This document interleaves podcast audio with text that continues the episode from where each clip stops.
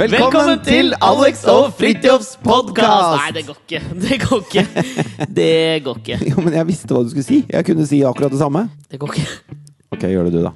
Velkommen til Alex og Fridtjofs podkast. Dette er avsnitt nummer 11, og det betyr at det er det siste Jeg skal gi det litt mer bløff, jeg. Kan jeg prøve?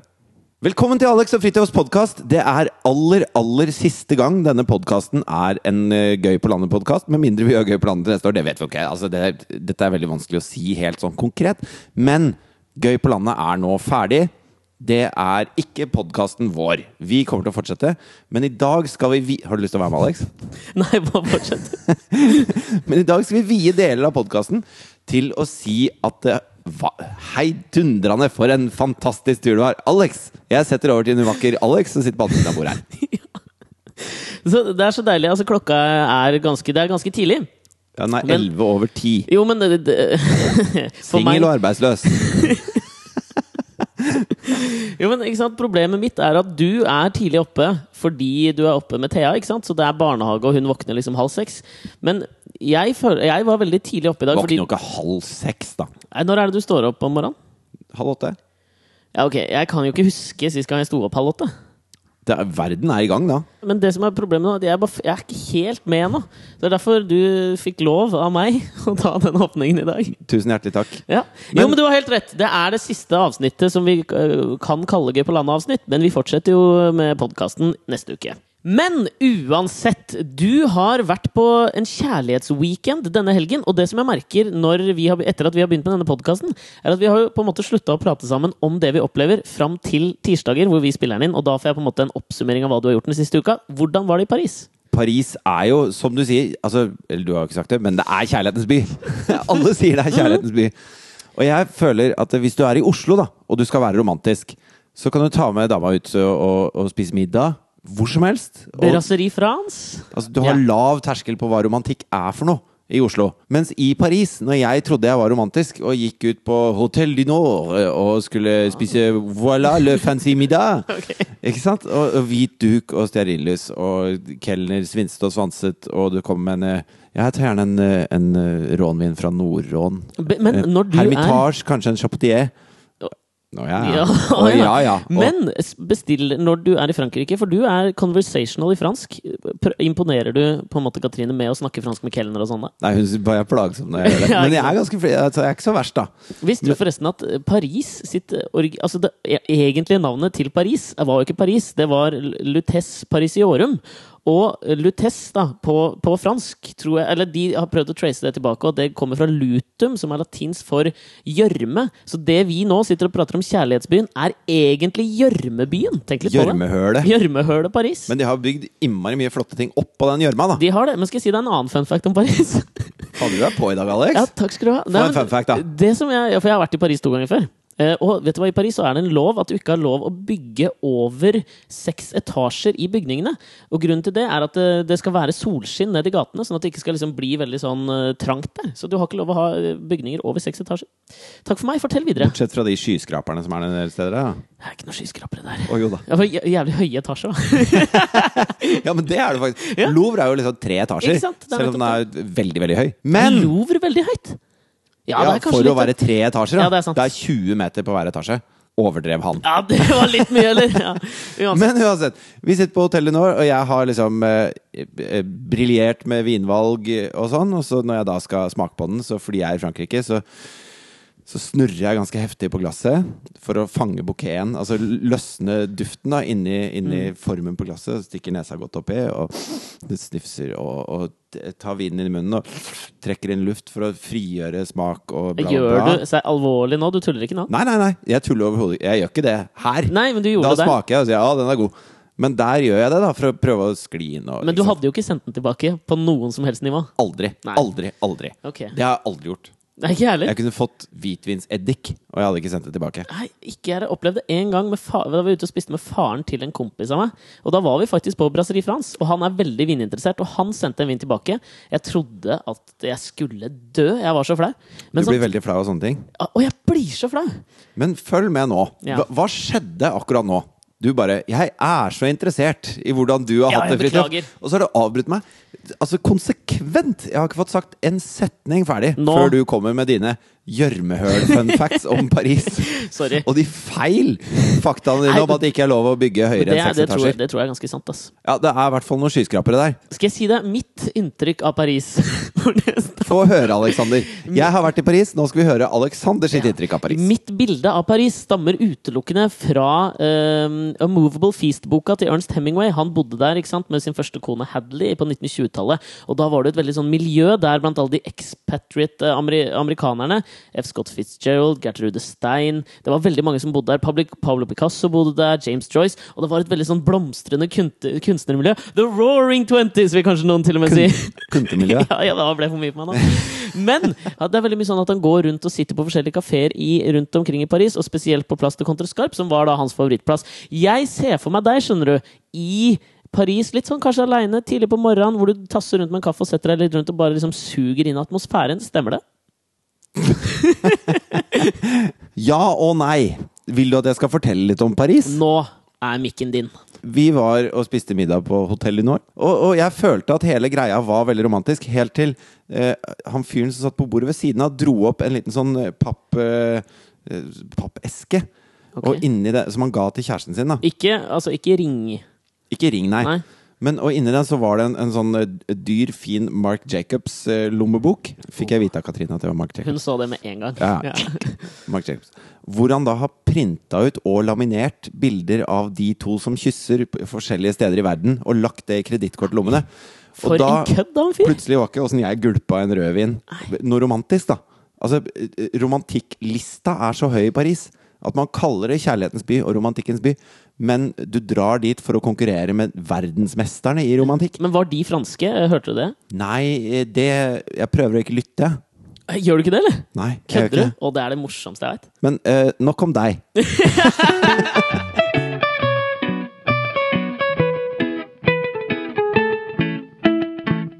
Men Paris er jo så mye, mye mer enn eh, en dyr lommebok på nabobordet. Altså, Jeg kan fortelle mye om eh, turen til Paris, men jeg skal prøve å plukke ut det essensielle.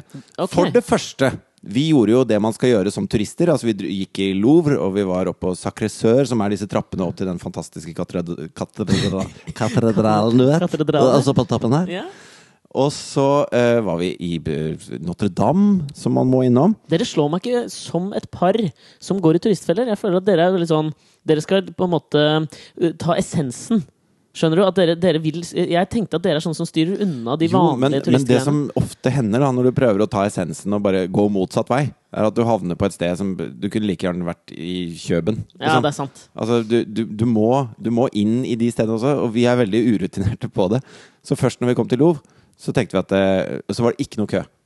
I det hele tatt. Oi! Og så tenkte vi at eh, ja, vi bare stikker opp der og tar en kaffe. Og litt sånn Og så kom vi ned, og så var det kanskje ti meter kø. da Og vi bare Fuck det her. Dette gjør vi i morgen.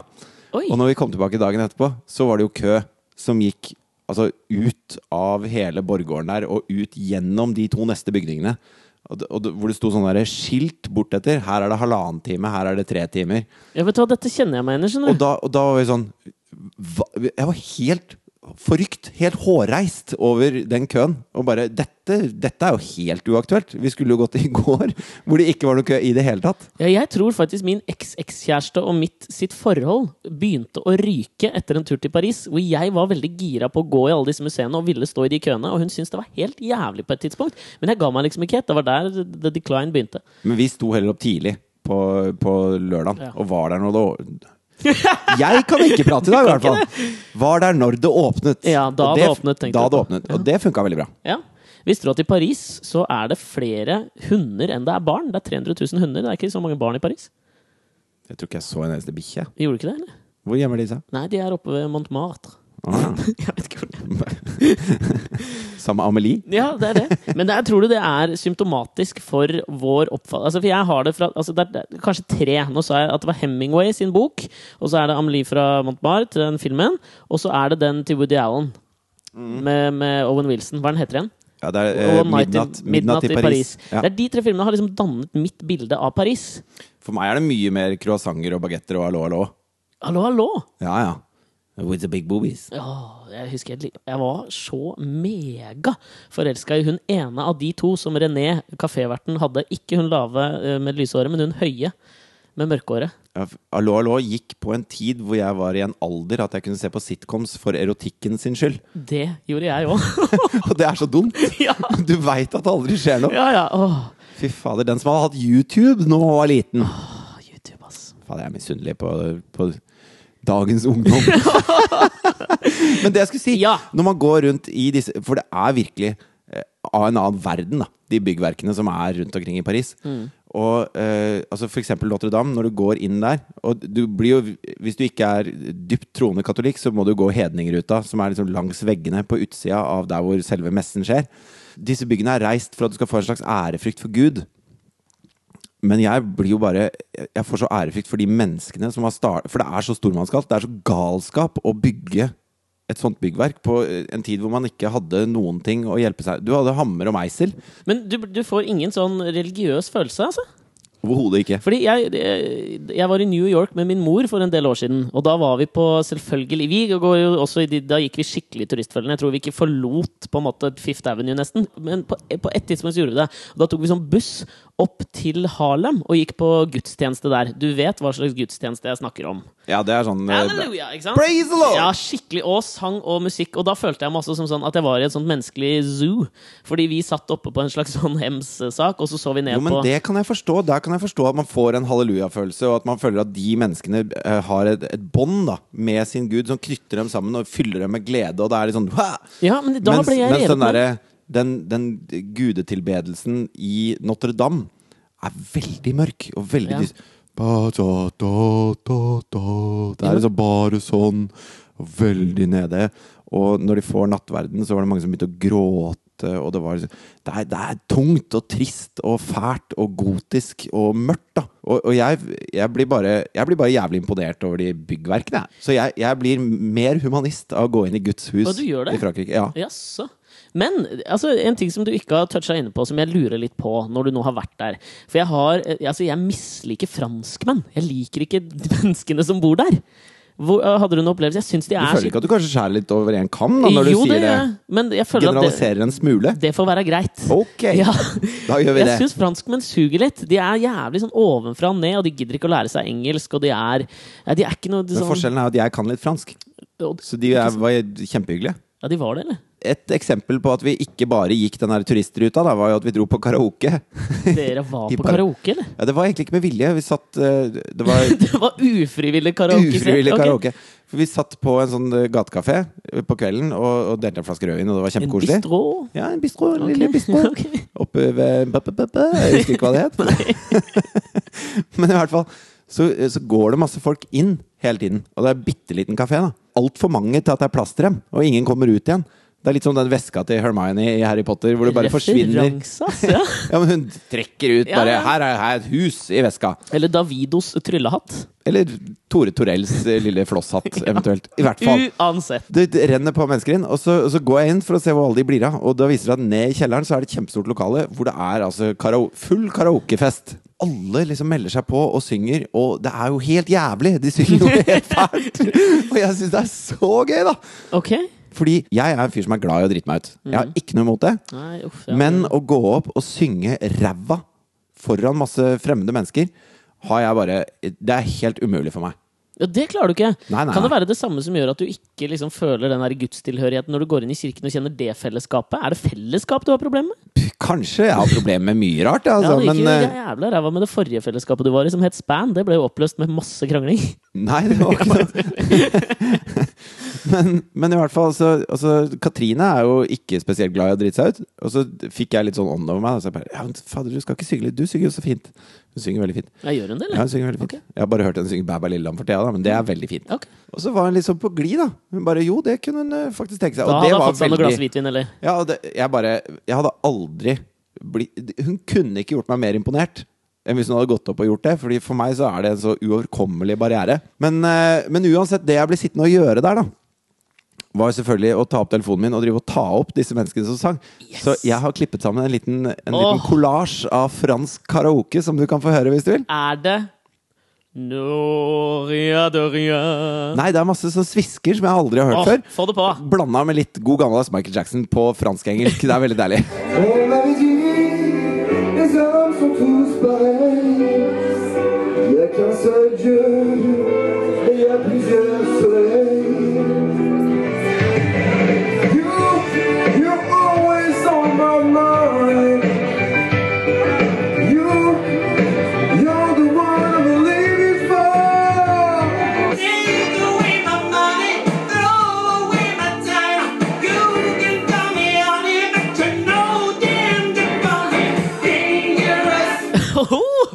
det der var Det var ganske Vet du hva jeg tenker på? Første jeg tenker på når jeg hører det? Hva er det første du tenker på, Alexander? første jeg tenker på, er den norske klassikerkalkunen 'Kvinne i mitt liv', Thomas Giertsen sin film, hvor Ane Dahl Torp på et tidspunkt der har en sånn karaokescene på Sinatra i Oslo. Uh, Ja, det er veldig pinlig. Men det er jo meningen 'Embrace Me', Karen Jo Fields. Men det er jo meningen at det skal være pinlig. Apropos, det, apropos Sinatra, var det ikke der Tommy Steine tok og slo ned en fyr så han måtte møte i retten? Jeg vet ikke, men Frank Sinatra var jo en del av The Rat Pack i New York. Visste du at jeg dekka faktisk den rettssaken hvor Tommy Steine var eh, da anklaget for å ha slått ned en fyr, altså utøve vold? Jeg, nå får jeg bare forbeholde meg retten til å ta feil, men jeg mener å huske at Fordi når han kom opp og vi får jo vitne stadig mail om at vi tar litt sånn faktafeil av og til. Men det får være Men det er greit. Men jo, jeg husker at jeg satt der og skulle skrive, og så og skulle, Mesteparten er riktig, altså. Selvfølgelig. uh, jo, når han skulle opp og vitne, så blir du jo da bedt om å oppgi en del personalia. Og så husker jeg at det var liksom, sant, navn, Var det litt sånn, når han gikk opp for å vitne, var det sånn Er det noen fra Lillestrøm i salen? Det var ikke det, men det er, ikke, det er ganske Det close til hvor mye flauere det det er. hadde vært jævlig gøy. Hør nå. Så kommer de ned til yrket, og så ser han litt rundt seg, og så sier han ja, Skal vi si, ja? Kjendis? Uansett. Men eh, Frank Sinatra var jo uh, Han var jo en mann som det var veldig Altså Han hadde liksom linker til Sammy Davis jr. Og, og John F. Kennedy, og litt sånn til mafiaen. Og det var liksom Veldig til far... Ja, veldig. Eh, de hadde jo en mozzarella-streik, vet du, mafiaen. Nekta å gi mozzarella til pizzarestaurantene hvis de ikke betalte penger. Du, du kunne vite det i en 20-årsperiode, at hvis du fikk ordentlig mozzarella på pizzaen din, så var det mafiastyrt. Ja, ja. Og nå er det Uansett. digresjonenes ja. verdensmester her, Men det altså. var, det var, jeg synes det var, det, det var overraskende liksom sånn positiv vibe ut ifra den lyden jeg hørte, at de støtta liksom opp eh, om hverandre der. Ja, det, var var jævlig kult. Men jeg er ikke helt ferdig med Frank Sinatra. For jeg, jeg har en liten anekdote om Frank Sinatra. For det var en fyr som var ute og spiste i New York sammen med kjæresten sin, og så kommer Frank Sinatra inn og setter seg selvfølgelig har, du har ikke fortalt denne før? For jeg veit hvilken du Jeg har fortalt den til deg før, Ja, ok, kjør på. men vi er flere her. Ja. Altså Virtuelt er vi mange. Ja, mange det er et fellesskap. Du Ja, ja. sliter ikke med det? Dette fellesskapet har jeg ikke noe problem med. Ok. Men i hvert fall så Frank, eh, Frink Frink Sunutru på Hibri, please. Nei, fy faen! Er det ditt vi har kommet? I hvert fall Frank Sinatra Ja. uh, går inn, setter seg på et bord i et hjørne, sånn at han har ryggen mot veggen og har full oversikt, og så sier han uh, Ekvivalenten til å sette seg bakerst i bussen når du er sånn gjengleder, fordi da Ja, sant. Da er du kul. Mm. Så sier han til kjæresten at uh, jeg og Frank vi går way back. Og hun bare Kjenner du Frank Sinatra? Ja, ja, selvfølgelig kjenner jeg Frank Sinatra.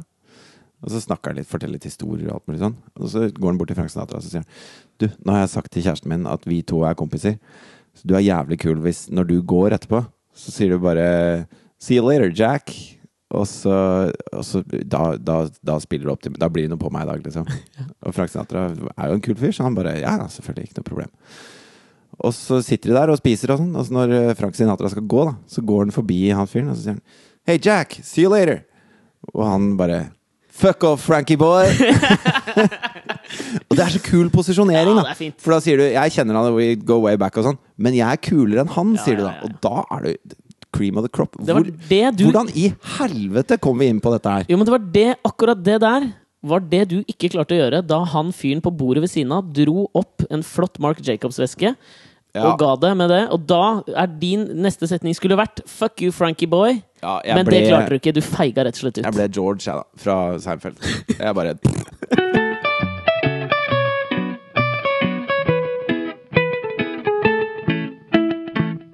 Men altså for å oppsummere dette karaoke-greiene Så eh, det med at du mener at franskmenn ikke er spesielt hyggelige, og at de er veldig ovenifra og ned Jeg mener at når jeg kom inn på den karaoke-greia og så hvordan de eh, backa hverandre og syntes det var kult at selv om du Det var sånn syng med den Det var sånn TenSing-stemning! Syng med den stemmen du har! Hater TenSing. Og det, og det er jo noe flott ved det. At de tør å drite seg ut. og Tør å, tør å ikke bare være han med bagetten og Ja, jeg skjønner hva du mener. Jeg skal si det. det er én ting som jeg føler at beskriver Det er en franskmann som, jeg, som har sagt noe som jeg føler beskriver sånn jeg tenker om franskmenn. Det var en som heter Tom, Thomas de Mailly, som var en sånn aristokrat. Og han, en sånn fyr i den franske revolusjonen, da, Ja. som skulle henrettes.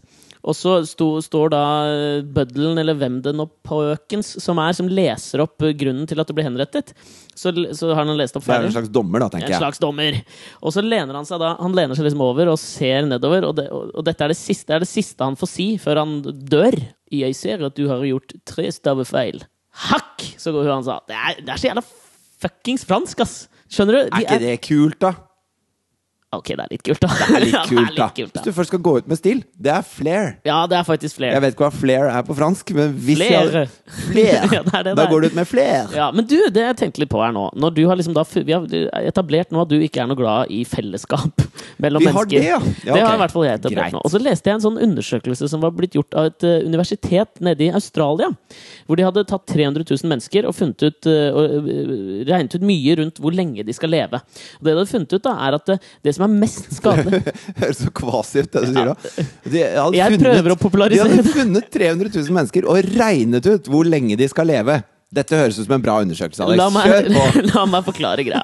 Det var 300 000 mennesker som var med i undersøkelsen, og så fant de ut hvilke, eh, det, altså hvilke elementer som spilte inn på hvor lenge du levde. Forventet livsløp. Forventet livsløp. Og det som de fant ut var den viktigste årsaken var det sosiale nettverket ditt. At du hadde venner og et sosialt nettverk var mye mye viktigere enn f.eks. om du røyka en pakke sigg om dagen, eller om du var alkoholiker. Det var mye farligere enn å ikke ha et sosialt nettverk. Altså, Å ikke ha et sosialt nettverk ville senke levealderen din sånn gjennomsnittlig med åtte år. Men vil det si at du ikke kjenner noen? Nei, det veit jeg ikke. Men Nei. altså et lite sosialt nettverk. At du følte deg ensom, da. Og det var der, her jeg følte meg veldig sånn Det er jo veldig deilig å høre. Barack Obama, for eksempel, han kan fort føle seg ensom, tror jeg, selv om han har mennesker rundt seg hele tiden. Tror du det, det å ja, Jeg tror det å være president senker levealderen din. Ja, det tror jeg også. Ja, da stresser du deg Mye relativt. stress. Veldig clogged arteries, føler jeg. Altså, Ja, han har blitt litt sånn tynn og spinkel i det siste. Han er da fått grå hår. Han sa jo det nå, at eh, disse grå hårene hadde jeg jo ikke for fire år siden. Jeg skjønner jo det. Jeg skjønner det godt. Jeg har tenkt mye på hvor mye jobb det egentlig er å være president. Jeg tror at, eh, at du får en slags sånn derre eh, destillert virkelighet. At når du er president, så skal du vite alt om alt hele tiden. Så du vet egentlig ingenting om noen ting. Og så kommer det folk inn og gir deg sånn to setningers sammens, sammendrag Sammensurium Sammensurium av uka. av uka. Jo, men jeg, jeg, jeg ser på en sånn britisk eh, komedieserie som heter The Thick of It, som handler om politikken i Storbritannia. Da. Og der, det, det tenker jeg er veldig sånn beskrivende, som jeg tror at Barack Obama har det. For han, eh, statsministeren i The Thick of It-serien, da, han får da hver uke en VHS-kassett hvor Underholdningsuka er oppsummert. Så jeg vil si at liksom, I Norge så hadde Jens Stoltenberg fått høydepunktene fra Farmen, høydepunktene fra vår podkast, og så bare vet han det. Når han kommer i intervjuer, så vet han liksom ok, han nerden på Farmen er kristen og hater homser. Men, men det jeg har til deg, er en slags sammenklippet versjon av karaoke fra Paris. Jo, men det gir meg mye, mye mer. Ja, det gjør det. se på Farmen. Selv om jeg har nå avskrevet undersøkelsen du har lest om som en kvasi-tulleting, Ja. så tror jeg på det at uh, Men jeg, jeg tror at du må være helt avsondret. da Du må oppleve ordentlig ensomhet for at det skal senke levealderen din. Og det tror jeg, det tror jeg går på bare det å være ulykkelig, rett og slett. Ja, ikke sant? Ja. Fordi vi er jo flokkdyr. Anyways, jeg leste en artikkel med en dame som jeg føler da utøver det liksom ultimate filantropiske prosjektet. Og det er en dame som heter Jackie Samuel, som bor i New York. Hun er 29 år, og hun hadde da funnet ut at hennes nye businessidé er at hun selger cuddling. Hun kommer og kødler Altså, hva, koser? Hva er kødling? Hva er den gode oversettelsen på norsk? Det er kosing. Ja, det er kosing. Det er kosing. Ja, hun selger da For én dollar i minuttet så kommer hun og koser med deg. Men du mener at dette kan veie opp for den ensomheten? Ja, jeg tror, jeg tror det, for det er så nært med cuddling. Det er noe annet å kjøpe en prostituert. Da tror jeg ikke du får noen nærhet. Men du kjøper det fremdeles. Hvis du skal bøte på ensomhet, så hjelper det ikke å, å liksom kjøpe en ting, tror Ja, men si det til en mann som er helt aleine i 20 år, og så kommer Jackie Samuel hjem og ligger med han i ti timer, og så betaler han 1000 dollar og er kjempeglad. Jo, men det blir jo som å se på porno da når du har lyst på sex. Ja, men det er det jo samme. rimelig god erstatning. Ja, det er en kortvarig glede, da. Du går, fra, du går fra at du nesten tror du har sex, til bare dyp, dyp skam. På Ja, det er null så komma svisj. Så jeg er sikker på at eh, hvis du er ufattelig ensom, og du merker at levetiden din bare synker og synker, for du er så ensom, og så bare ringer du Cuddle 1800 Mm. og, og får henne inn hit, hva het hun? Jackie Samuel. Så sier du hei, Jackie. Og så legger dere i senga. Arm rundt midje. Kos litt på håret, ned i nakken. Kyss i nakken? Nei, det er overstreken. Ja, det er overstreken, Ja. Da blir det seksuelt. Cuddling. Og så, tenk, og så slapper du av, så puster du ut, så tenker du åh, det var deilig. Og så når klokka hennes ringer og tiden er ute, så gir du henne 800 dollar, og så går hun ut døra, så tror jeg ikke du bare Ja, det hjalp! Nå Nei, er føler jeg meg mye bedre. Ja, du må bare holde Du må Du må bare ansette henne, du må bare ansette henne på fast basis. da Ja, Som en litt slags au pair. En Gaddafi. cuddle au pair. Ja, Gaddafi, Gaddafi. du må ha en egen talent scout som finner kødlere for deg. Men du, jeg, hvis jeg viser deg bildet av Jackie Samuel, og så skal du si den første hun minner om For jeg trodde virkelig at det var Se nå. Du tar ikke den, nei. Uh, er det hun derre jødiske komikerdama? Ikke Sarah Silverman, men jeg tenker på hun der eh, kjæresten til Gaute Grøtta Grav. Hun der veterinæren. Å, Jævlig lik. Anyways. Men det som Men det, det leder jo videre til eh, Gaute. Oh, ja. Tror du han betaler henne for det? Å være kjæresten hans? Fy faen. De skal gifte seg nå, så. Skal de ikke Skal det? de? Jeg lurer på det. Hvor mye tror du det kosta? Det er dyrt, altså. Ja. Jeg har jo tenkt litt på dette her med kødling. Og så har jeg lyst til å spørre deg Hvem av norske kjente kvinner ville du helst brukt 100 dollar for at skulle komme og kødle med deg? Hvem er den ultimate norske kjendiskødleren? Det høres så feil ut når du sier å kødle. Den kødleren. Ok, koseren, da. Kjendis, hun må være kjent, sånn at lytterne kan relatere til det, og se, danne et bilde i hodet sitt og se deg og den dama foran seg. Jeg har en definitiv Jeg veit hvem. Jeg får høre Det er din, ikke Åse Kleveland. da. Ok, Ja, du vil høre det? Skal jeg, Jeg si får først? høre din. Marit Larsen. Marit Larsen. Lett. Fordi det kan aldri bli noe seksuelt med Marit Larsen. Det tror jeg kanskje noen er uenig med deg i. Ja, da Dem om det. For meg vil Marit Larsen alltid være en kødler. Kanskje Helen Vikstvedt. Nei! Hvorfor det Fordi det vil aldri være noe seksuelt med Helen Vikstvedt for meg. Du vet at du blir the receiving end av den skjeen der? Men, ja, men det, som er, det som er helt pest, er at jeg tror ikke jeg ville betalt noen for å kødle med meg. Men drit i betalinga, Nei, nei, men drit i det òg. Altså, det var ikke betaling jeg tenkte på. Men jeg føler at det, altså, det er bare en, en kjapp vei til blue balls. Er det med å, å få noen til å kødde med deg. Med mindre det er kjæresten din, da, selvfølgelig. For da, da, da har det en annen ro, den kødlinga. Jo, men Se for deg dette her, hvis du er litt ensom. Det første du gjør Først så betaler du en prostituert som kommer og har sex med deg. Så når den, For du har jo ikke noe lyst til å kødle med en prostituert, så fremt hun ikke er en sånn vakker luksusprostituert kvinne. Uansett. Og når hun går, så bare veksler hun i døra med den profesjonelle kødleren som kan komme og ligge sammen med deg da. Det er jo helt perfekt. Ja, men, nå er det eh, Du vet sånn i aviser hvor man har skrevet noe feil, Ja. og så står det sånn 'Redd admen'. Ja, og, så, og så sier man liksom Jeg vil bare presisere overfor eh, lytterne våre at uh, da Alexander sa han hadde lyst til å prøve alle rusmidler på planeten og få analsex i forrige episode, samtidig som han nå snakker om å leie seg prostituerte og leie seg kødlere så vil jeg si at dette reflekterer ikke holdningene til panelet rundt bordet her i dag. Ei heller Alexander. Han prøver bare å tøffe seg. Går eh, bra? Nei, det, ja, jeg vet, det får lytterne. Send oss en Send mail, oss en mail, da.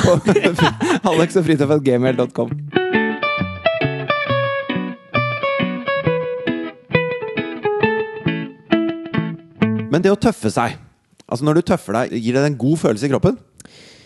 Jeg veit ikke hvordan jeg skal beskrive følelsen, for jeg gjør det veldig sjelden. Men det føles litt godt, svarer jeg ja. Fordi jeg har lyst til å snakke litt om følelser. Altså, Ok? jeg er jo veldig redd for uh, følelser, har jeg funnet ut. Altså, er jeg, du redd for dem? Nei, men, men jeg, jeg sliter med å gråte, f.eks. Gråte Ja. synes jeg er veldig vanskelig. Du er ikke redd for å være glad? Det er en følelse, det òg? Ikke redd for å være glad. Jeg elsker å være glad. Jeg Ja, går rundt rundt og er sånn, sånn halvglad. eh, Litt for mye, egentlig. Ja, du er litt gladkristen. Ja. Men, men følelser som, som grining Altså sånn Jeg kan være veldig trist, men jeg gråter ikke. Jeg gir ikke uttrykk for den følelsen.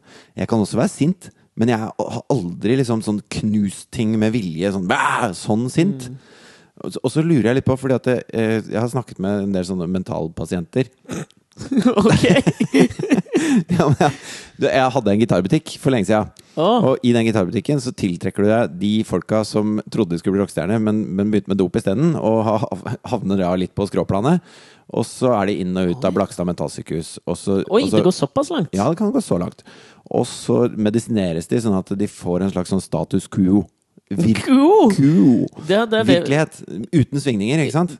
eh, toppene og bunnene går bort. Er Ja. vel det sånn Så da har de det greit. Føler du at du bare har det greit? Nei, jeg føler jo egentlig at Altså, jeg kjenner jo ikke hvordan noen andre har det inni seg. Tenk deg om du har gått glipp av noen helvetes fine topper, da. Jeg begynner å lure på om for at jeg skal kunne gråte, og for at jeg skal kunne kjenne på den følelsen fullt ut, kanskje jeg også må kjenne på det sinnet, da. At jeg må eksplodere litt mer. Ja. Kanskje man trenger å liksom sprenge! Ja. Skjønner du hva jeg mener? Jeg skjønner akkurat hva du mener. Husker du i forrige uke så fortalte jeg at jeg hadde Da vi snakket om at jeg hadde sånne bøker liggende på I tilfelle DN Nattbordespalten skulle li ringe, Ja, så hadde jeg noen jeg noen godt. bøker liggende på, på nattbordet. Det syns jeg var det motsatte av tøffe seg. Det syns jeg var litt patetisk. Ja, det er kjempepatetisk. Men eh, det skal jo sies at jeg leser jo disse bøkene òg. Og jeg leste det er en sånn fyr jeg kjenner som har skrevet en bok som heter Pusling. Sånn han fikk ideen til den boken, var at noen stjal hans Mac. Og så ble han Han klarte ikke å bli sint på det engang, for det han tenkte, han som har skrevet boka, som heter Christian, han tenkte de trenger den sikkert mer enn meg, og så ble han ikke sint for det engang. Så fortelleren i boka er kjempesint, mens Det høres er litt puslete ut. Jeg tror jeg skulle klart å mustre litt sinne for det. Altså. for jeg opplever deg ikke helt som en sånn pusling-ikke-sinna fyr. Nei, jeg kan bli sint, men, men altså Du blir Den- innoversint, du. Ja, innoversint. Den første kjæresten jeg hadde, sånn ordentlig, da, som jeg var sammen med i fire år, hun var jævlig sur på at jeg ikke ble forbanna. Og når hun da sprengte, og jeg da på en måte trakk meg litt sånn innover i meg selv og, og satt og furta, Det er irriterende. Jeg hører jo at det ble er hun irriterende. dritsur. Ja, det og det gikk liksom så langt at vi, vi krangla om at jeg ikke ble sur. Og jeg synes at den, Det ble jo så idiotisk altså, Det er veldig teit, men jeg hadde kjøpt en sånn En slags sånn trefugl som henger to, i to snorer, en fra hver vingetupp. Sånn maritim drittgreie. Yep. Ja. Hvorfor i all verden hadde du det i leiligheten? jeg veit ikke. Okay. Den hang nå en gang Ja. på den hybelen når jeg var 18, liksom. Eh, og så hvis du dro i den, så gynget den opp og ned. Den var veldig fin. Ish. Nei. Uff, ja. Men i hvert fall så mens jeg fikk kjeft av huden full fordi jeg aldri ble sur, så tenkte jeg sånn Kanskje jeg bare skal se ut som jeg er sur, da? Og så tok jeg og klinte til den der jævla måka. Så den knakk, og jeg fikk skikkelig vondt i hånda, og den spratt bort etter gulvet. Og da var det greit. Da syntes hun det var greit. Og jeg følte at det, det, det er jo ekvivalenten til å fake en orgasme, bare i krangleøyemed. Check. Så jeg, det har du gjort. Uh, så jeg følte meg bare jævlig liten og patetisk når jeg, når jeg, lot, når jeg måtte late som jeg ble sinna. Kanskje du bare er sånn, og så leter du etter Hvis du er yin Yin? Yin? Er det ikke yin? Yin og yang, tror jeg det er. Yin og yang? Ja, Så hvis du, du er yin, så du leter etter ditt yang, yang så Så du finner deg folk som kan på en måte blåse ut på dine vegne òg. Ja, Sånn at jeg bare kanaliserer det gjennom kjæresten. Shit, nå følte jeg meg som Finn Skårderud, ass. Jeg fakturerer Hvem faen det er? Psykiater! For pokker.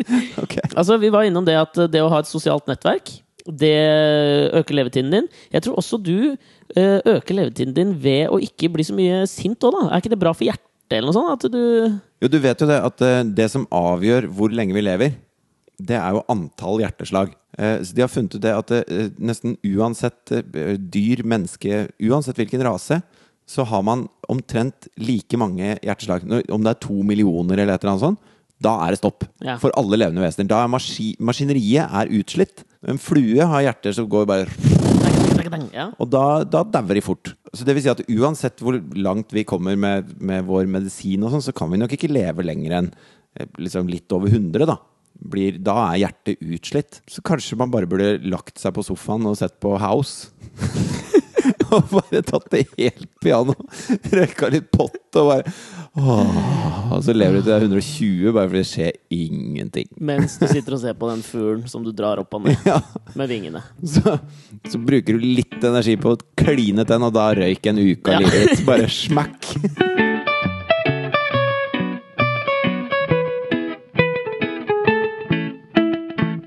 Jeg leste her forleden dag at eh, Kentucky Fried Chicken De har en sånn eh, KFC. KFC de har en sånn eh, oppskrift som de, på krydder, en krydderoppskrift som de gnir inn kyllingen med. Og den oppskriften den er det bare tre personer i hele verden som veit om, da, som veit hva den oppskriften er. Og de tre de får aldri lov å sitte i samme bil eller fly samme fly. Og ingen av to, ikke to av dem engang. De får aldri lov å liksom være samme sted. Det er sånn den der atomknappen i alle Ja. sånne filmer. Mm. Så er det sånn masse folk har forskjellige deler av den koden og sånn. Ja. Så det er atomknappen og krydderet på Kentucky Fried Chicken som voktes så strengt. Takk for meg. Ja, det var jo et vektig innspill i podkasten. Jeg starter et nytt tema, jeg. Gjør det, du.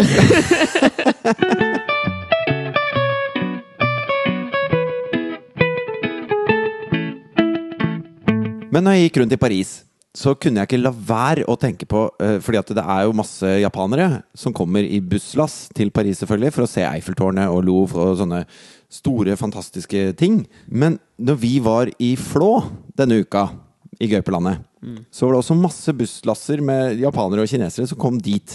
Og så tenker jeg, hvis du sitter her i Nagasaki med, med flyeren, den ene for Flå og den andre for Paris Tror du virkelig at de sitter med en flyer for Flå? Tydeligvis. Sier, Ikke Norge, vi, går, liksom? vi går for Flå. Okay, ja. Vi kjører Flå. Bjørneparken. ja. Altså Eiffeltårnet. Sett det på film. Vi drar til Bjørneparken. Jeg tenker Du får jævlig mye valuta for penga over kort tid ved å reise til Flå. Sånn, det de er opptatt av, tenker jeg, jeg generaliserer igjen, de er opptatt av å ha med seg freshe bilder hjem. Hvis du får på i løpet av to timer, så får du bjørn, elg, ulv, gaupe og en sånn svær bjørnestatue som du kan stå ved siden av og se liten ut, og så le og si mm, ja. Og ku, sau, lensmann. ja. Da har du Du utnytter ferien. Og jeg tenker de ferierer sånn sprintferiering. Bang, ferdig der. Bilder. Videre. Ja, de opplever ferien når de kommer hjem. Ja, ikke sant? Og da får de mye for pengene. Du ser hele ferien gjennom en linse, Mm.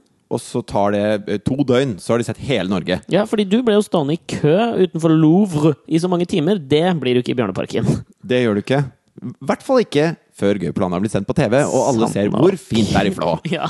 Men Flå, det er jo litt spesielt i Flå at det, eh, det var egentlig bare altså et lite kryss. Det er riksvei 7 som bare Alle kjørte rett forbi. Mm. Hopp, forbi. Så kom onkel Olav, som de kaller han, Olav Thon, og investerte altså eh, mange, mange, mange millioner kroner i å bygge Bjørnepark, bygge masse leiligheter, bygge kjøpesenter, bygge den, den Mac...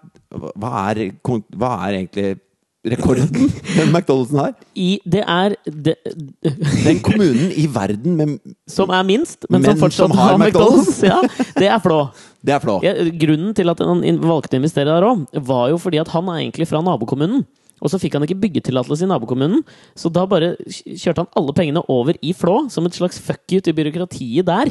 Da har du så så insane mye Er penger hvis du gjør det bare for å ta igjen på hjemkommunen din. men Hvis du bare gjør det for å peke nese. Ja, jeg, akkurat da elska jeg Olav Thon. Ja, han var jo på eh, Skavlan for kj- kjempelenge siden.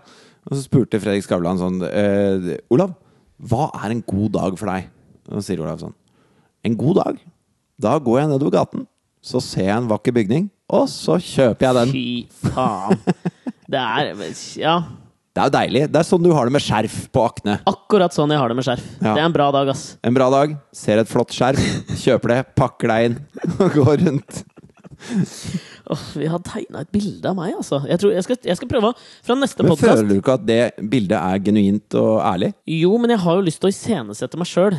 Ok, da har du nå eh, 30 sekunder på å lage ditt Facebook-jeg.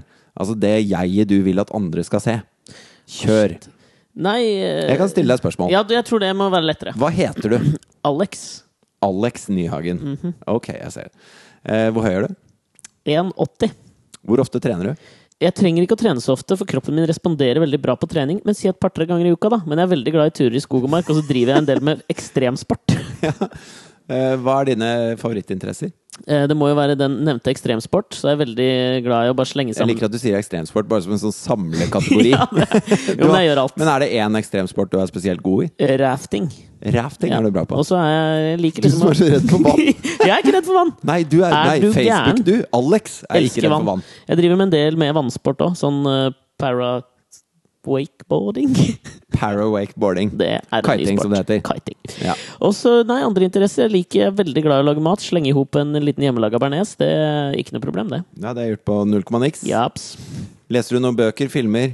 Eh, Jeg leser ikke filmer, de ser jeg på. Bøker jeg leser. Å, du er skarp på! Ja, det er kjapt. Det er litt gift i tunga.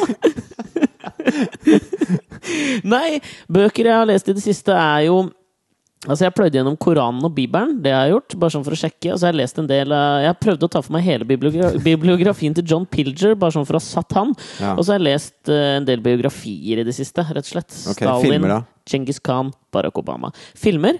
Veldig glad i eh, film noir-sjangeren. Ok, Så du er en, en intellektuell ekstremsportutøver. altså, det får være opp til andre vil du kalle deg selv atletisk? Rimelig atletisk. En utpreget V-form på overkroppen, i hvert fall. Ok. Penisstørrelse? Altså jeg vil, ikke, jeg vil ikke skryte, men over gjennomsnittet. Over gjennomsnittet. Ja. Over gjennomsnittet lang, under gjennomsnittet bred. Ok. Nålepikken. Jeg tror jeg liker han litt redde, redde lille isteden. jeg. Det var godt å høre.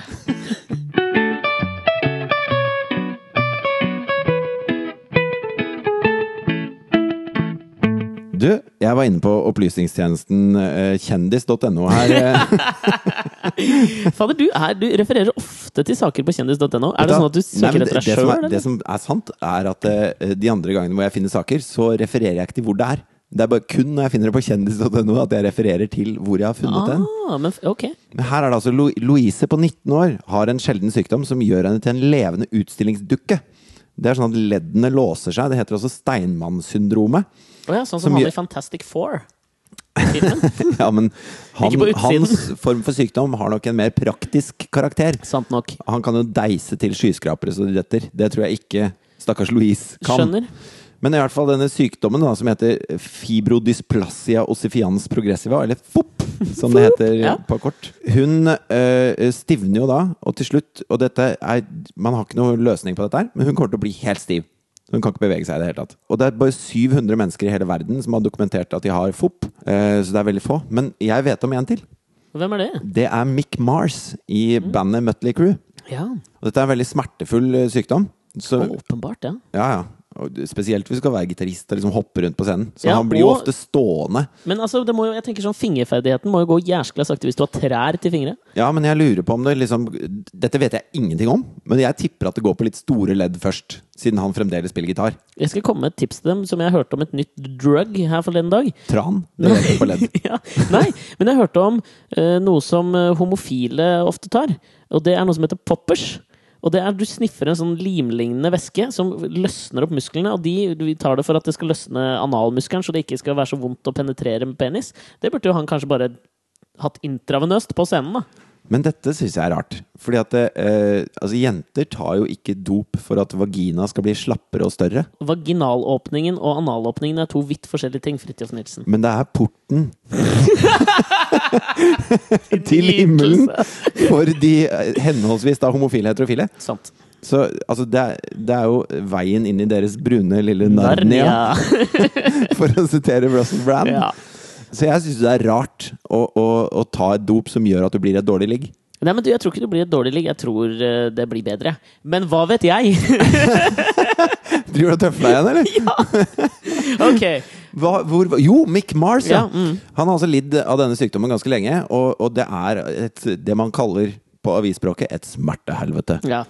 Eh, Noe som ikke er noe å le av, selvfølgelig. Eh, Og, Sorry. Og det har gjort han litt sånn introvert. I hvert fall, det skal jo ikke så mye til i forhold til de andre Nei. i det bandet. Altså Nikki Six og Vince Neil er jo ganske ekstravagante Nikki Six?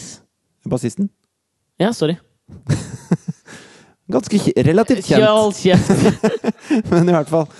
Så var, de, så var de på Jeg tror det var bursdagen til Vince Neil, ja. Hvor de var hjemme hos Vince Neil i huset hans på Venice Beach. Og så eh, har alle det jævla gøy, unntatt Mick Mars, for han har så sinnssykt vondt, og ingen gidder å prate med det eller noe. Han bare sitter som en steinstøtte borti sofaen.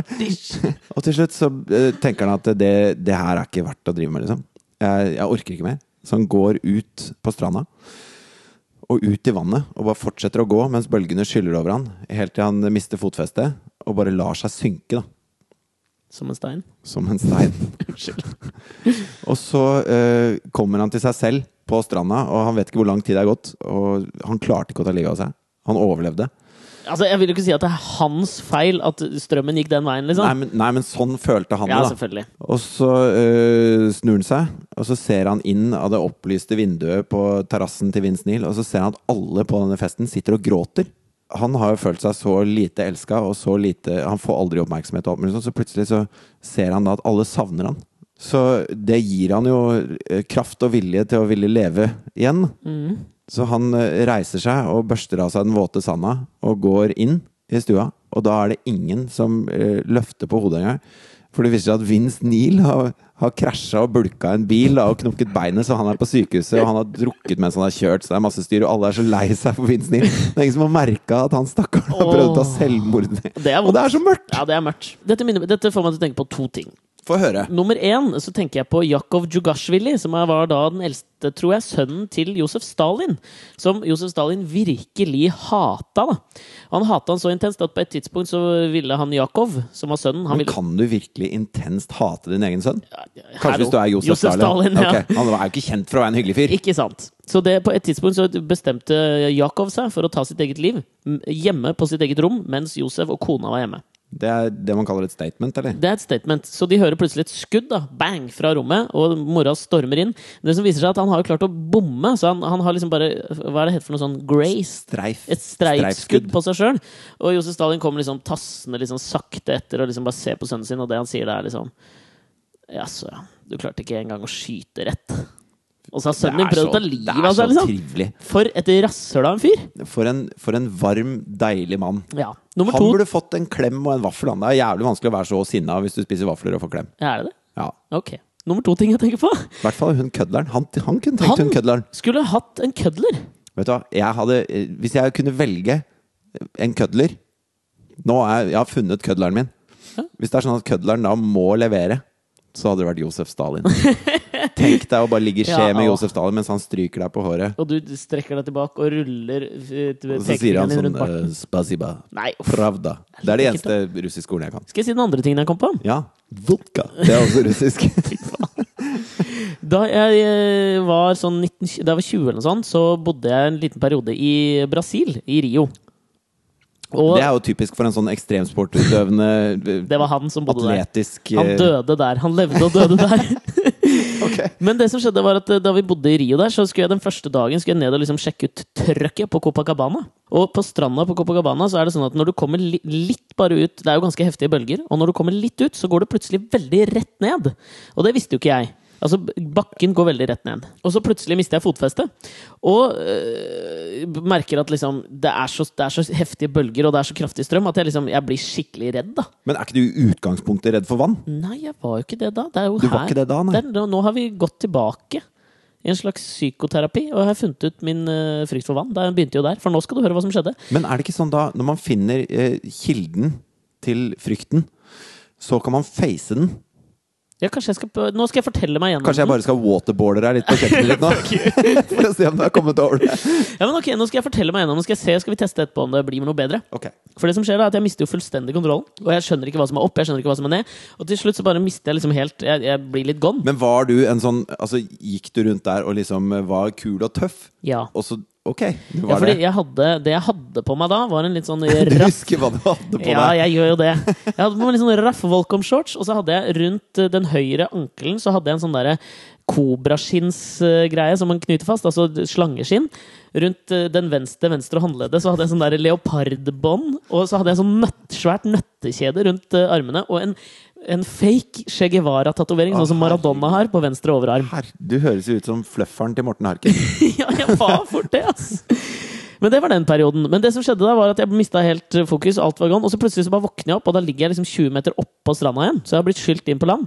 Så jeg liksom reiser meg opp. Som Mick Mars. Akkurat som Mick Mars. Og så reiser jeg meg opp, og så ser jeg liksom meg rundt, og så bare Å, herregud, det gikk bra. Men så ser jeg ned. Og der er det ingen badebukse! Og jeg blir jo litt stressa, for er jo, ja, da er man jo helt naken. Sett bort ifra disse flotte utsmykningene jeg hadde. Altså, slangeskinnsbåndet eh, var der. var der. Det var der. Men du tok ikke og tredde slangeskinnet på penis da, som et lite futteral? Nei, det var altfor lite. Men det som skjedde var at jeg ser jo da 20 meter bort, så ser jeg jo badebuksen. Men der, jeg må jo da gå big ass walk of shame, da. Forbi alle på Copacabana mens de applauderer. og jeg er naken og bukker, men ja. Uff, Ja. det var forferdelig. Du følte deg ikke så Y-formet akkurat da? Nei, det var mer Ku! Mer enn kuform.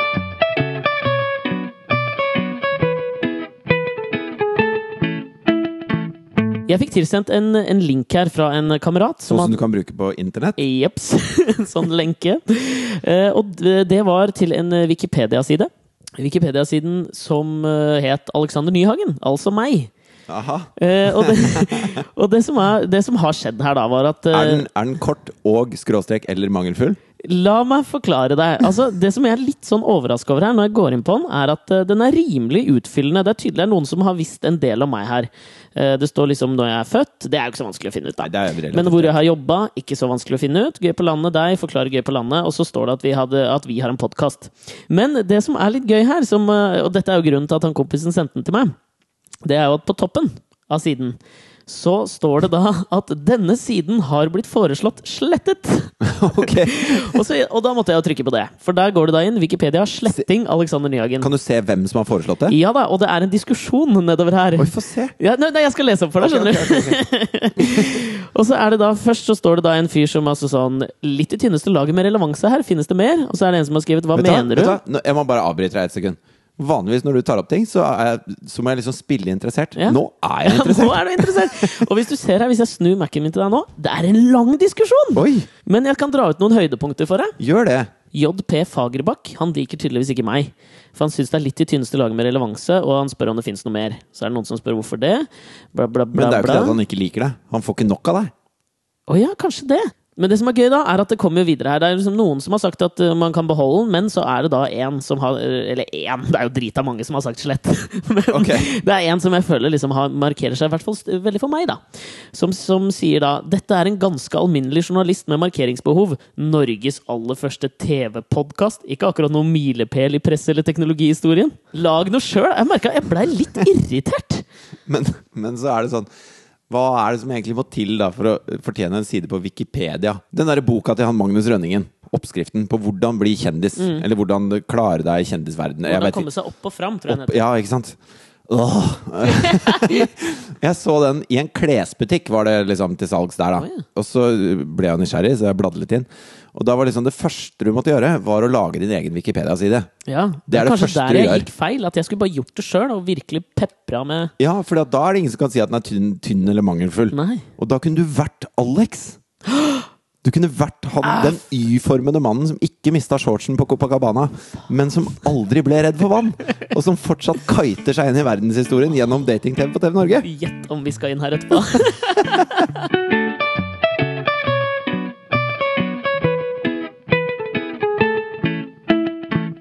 I elleve uker nå har vi lagd Gøy på landet-podkast, men nå er Gøy på landet ferdig. Men podkasten lever videre. Den heter fortsatt det samme. Vi kommer ikke til å slutte med dette, fordi det er så jævla gøy.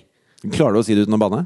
Det Nei, Okay. det klarer jeg ikke. For det er jævla gøy. Ja, det er noen ganger så må du ha noe kraftuttrykk. Og det som er verdt å si, da, det er at eh, vi må på en måte Jeg har lovet Alex at vi ikke skal oppsummere turen sånn, sånn veldig. Ja, det men det var en jævlig bra tur å være med på. Det er helt topp, men det er kjedelig for folk å høre på Ja, men jeg skal bare si to setninger nå. Eh, Si to setninger. Jeg møtte sinnssykt mange kule folk. Så utrolig mye flott natur. Gjorde masse gøye greier. Og, og ble veldig veldig god venn med så mange i det crewet og teamet og på bussen. og alt mulig sånn Så det er virkelig en stor opplevelse som jeg ikke ville vært foruten. Så bra for deg. Jeg har lyst til å snakke litt om hva som skjer framover nå. Eh, det som vi kan love, er jo at vi skal fortsette med dette her. Og uten å avsløre noe, så kommer det til å skje noe spesielt i podkast nummer tolv, altså den som kommer neste uke. Og den kommer til å sette standarden for podkastene framover. For nå har vi jo på mange måter litt friere tøyler. Vi har elska å gjøre dette her i Gøy på landet-sammenheng. Men jeg lover dere, altså, hør på neste uke. Det, det, altså, jeg gleder meg. Det, det kommer til å smelle litt. Jeg tror det. Jeg har gitt Alex en liten hjemmelekse, nemlig å forberede en tale for å avrunde Gøy på landet. Uh, er du klar? Ja, men jeg skulle ønske at hvis du kunne ordna sånn at jeg tar, og, tar av denne mikken nå, så jeg bare får litt mer sånn Kanskje jeg skal reise meg litt? Jeg reiser meg. Ok, reis deg opp. Ja. Nå har jeg reist meg. Ser ikke så mye forskjell, egentlig. Um, hvis du kunne lagt på litt sånn majestetisk eh, amerikansk presidentmusikk Vi startet i Målselv med en buss med 18 bydamer og har reist gjennom 11 kommuner.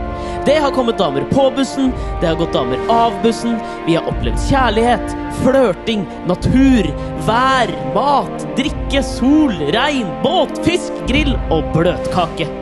Men ikke minst har vi vært heldige å få oppleve den fenomenale gjestfriheten fra hele vårt langstrakte, vakre land.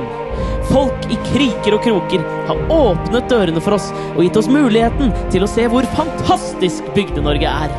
Det er ingen tvil om at de minste plassene har enorme ting å by på.